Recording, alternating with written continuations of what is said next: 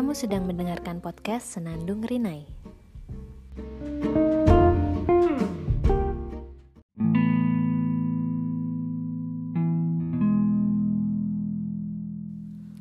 Hai, selamat datang di Senandung Rinai.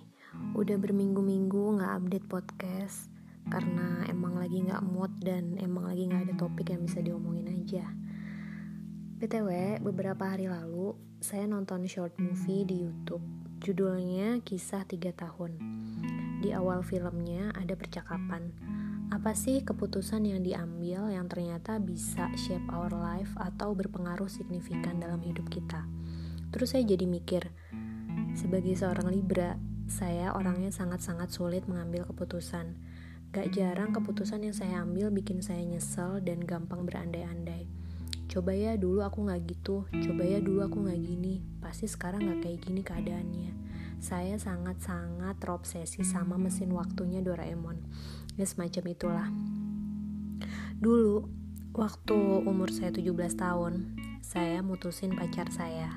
Abis putus, saya nyesel banget. Harusnya bisa lebih sabar, lebih komunikasiin segalanya, gak kebawa emosi.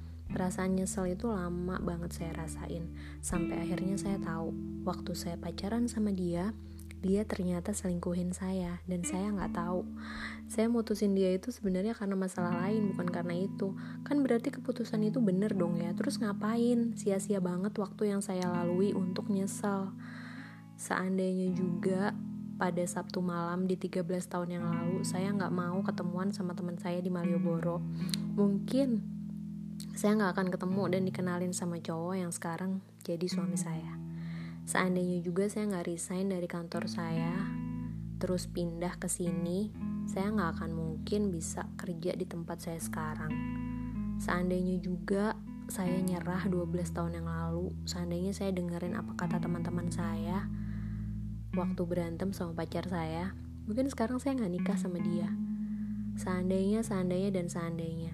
Saya pun sadar, sebanyak apa pun kita menyesal, gak akan mungkin bisa merubah masa lalu. Keputusan yang kita ambil itu udah keputusan yang paling baik dalam hidup kita. Dan kalaupun misalnya masa lalu itu bisa diubah, gak bakal ada jaminan segalanya bisa lebih baik. Terima aja, akui aja, sadari aja. Masa kini yang kamu punya itu jauh lebih berharga daripada masa lalu yang kamu sesali. Oke, okay? have a nice day.